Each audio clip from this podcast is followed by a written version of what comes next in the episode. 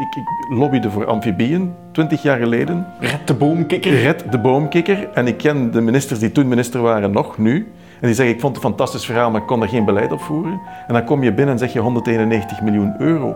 En dan zeg je, kom eens binnen. Wij willen natuur kort of in de harten van de mensen brengen. En je bent er heel kort bij, denk ik, als de Warme Bakkerfederatie zegt jullie hebben iets goed gedaan en je krijgt daar vlaaien voor.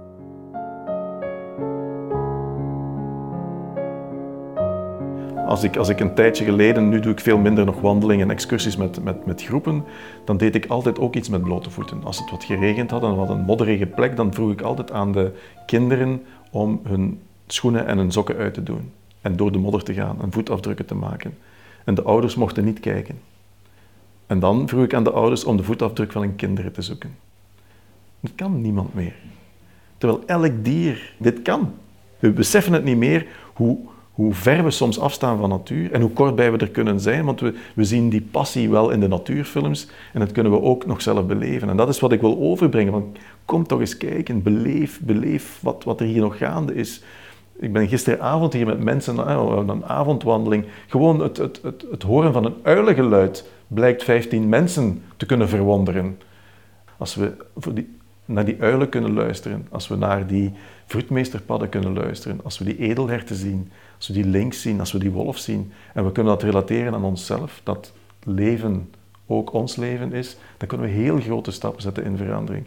We weten nu dat wat we gedaan hebben niet zo goed was. We hebben de motor niet uitgevonden om alle in alle eerlijkheid met de bedoeling om de wereld om zeep te helpen. We hebben de motor uitgevonden, we dachten dat het goed was.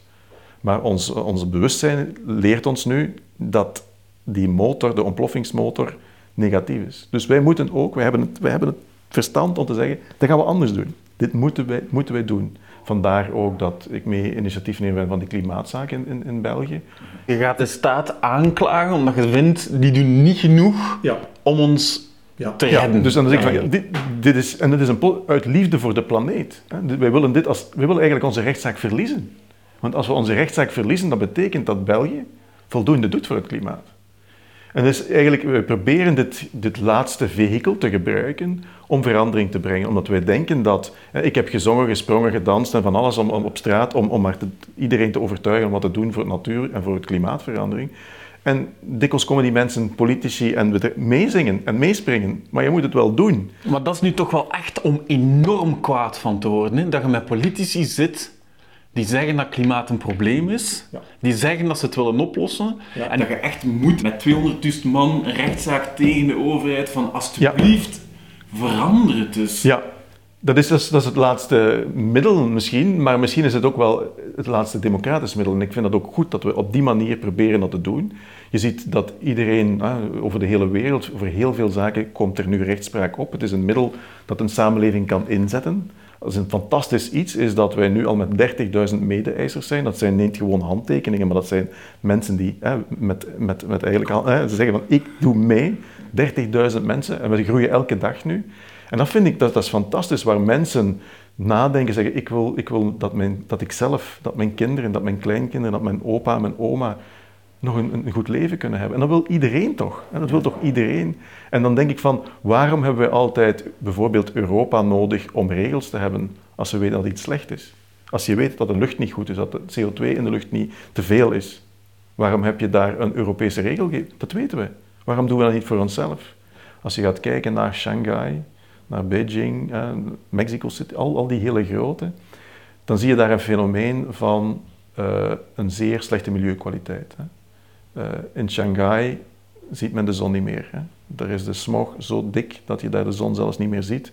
Beijing worden nu, ik, ik lig hier niet, worden op schermen elke dag getoond hoe een blauwe lucht eruit ziet. Hè. Je ziet ze niet meer. Hè.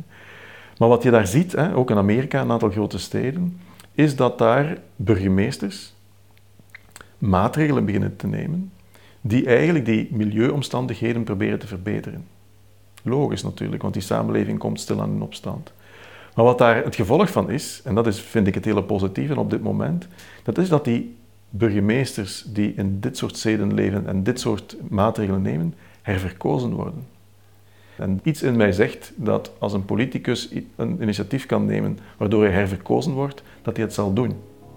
En daarom denk ik dat de grote steden de grote drijfveren zullen zijn voor de verandering in de wereld. Dat burgemeesters op termijn zelfs belangrijker gaan worden dan ministers.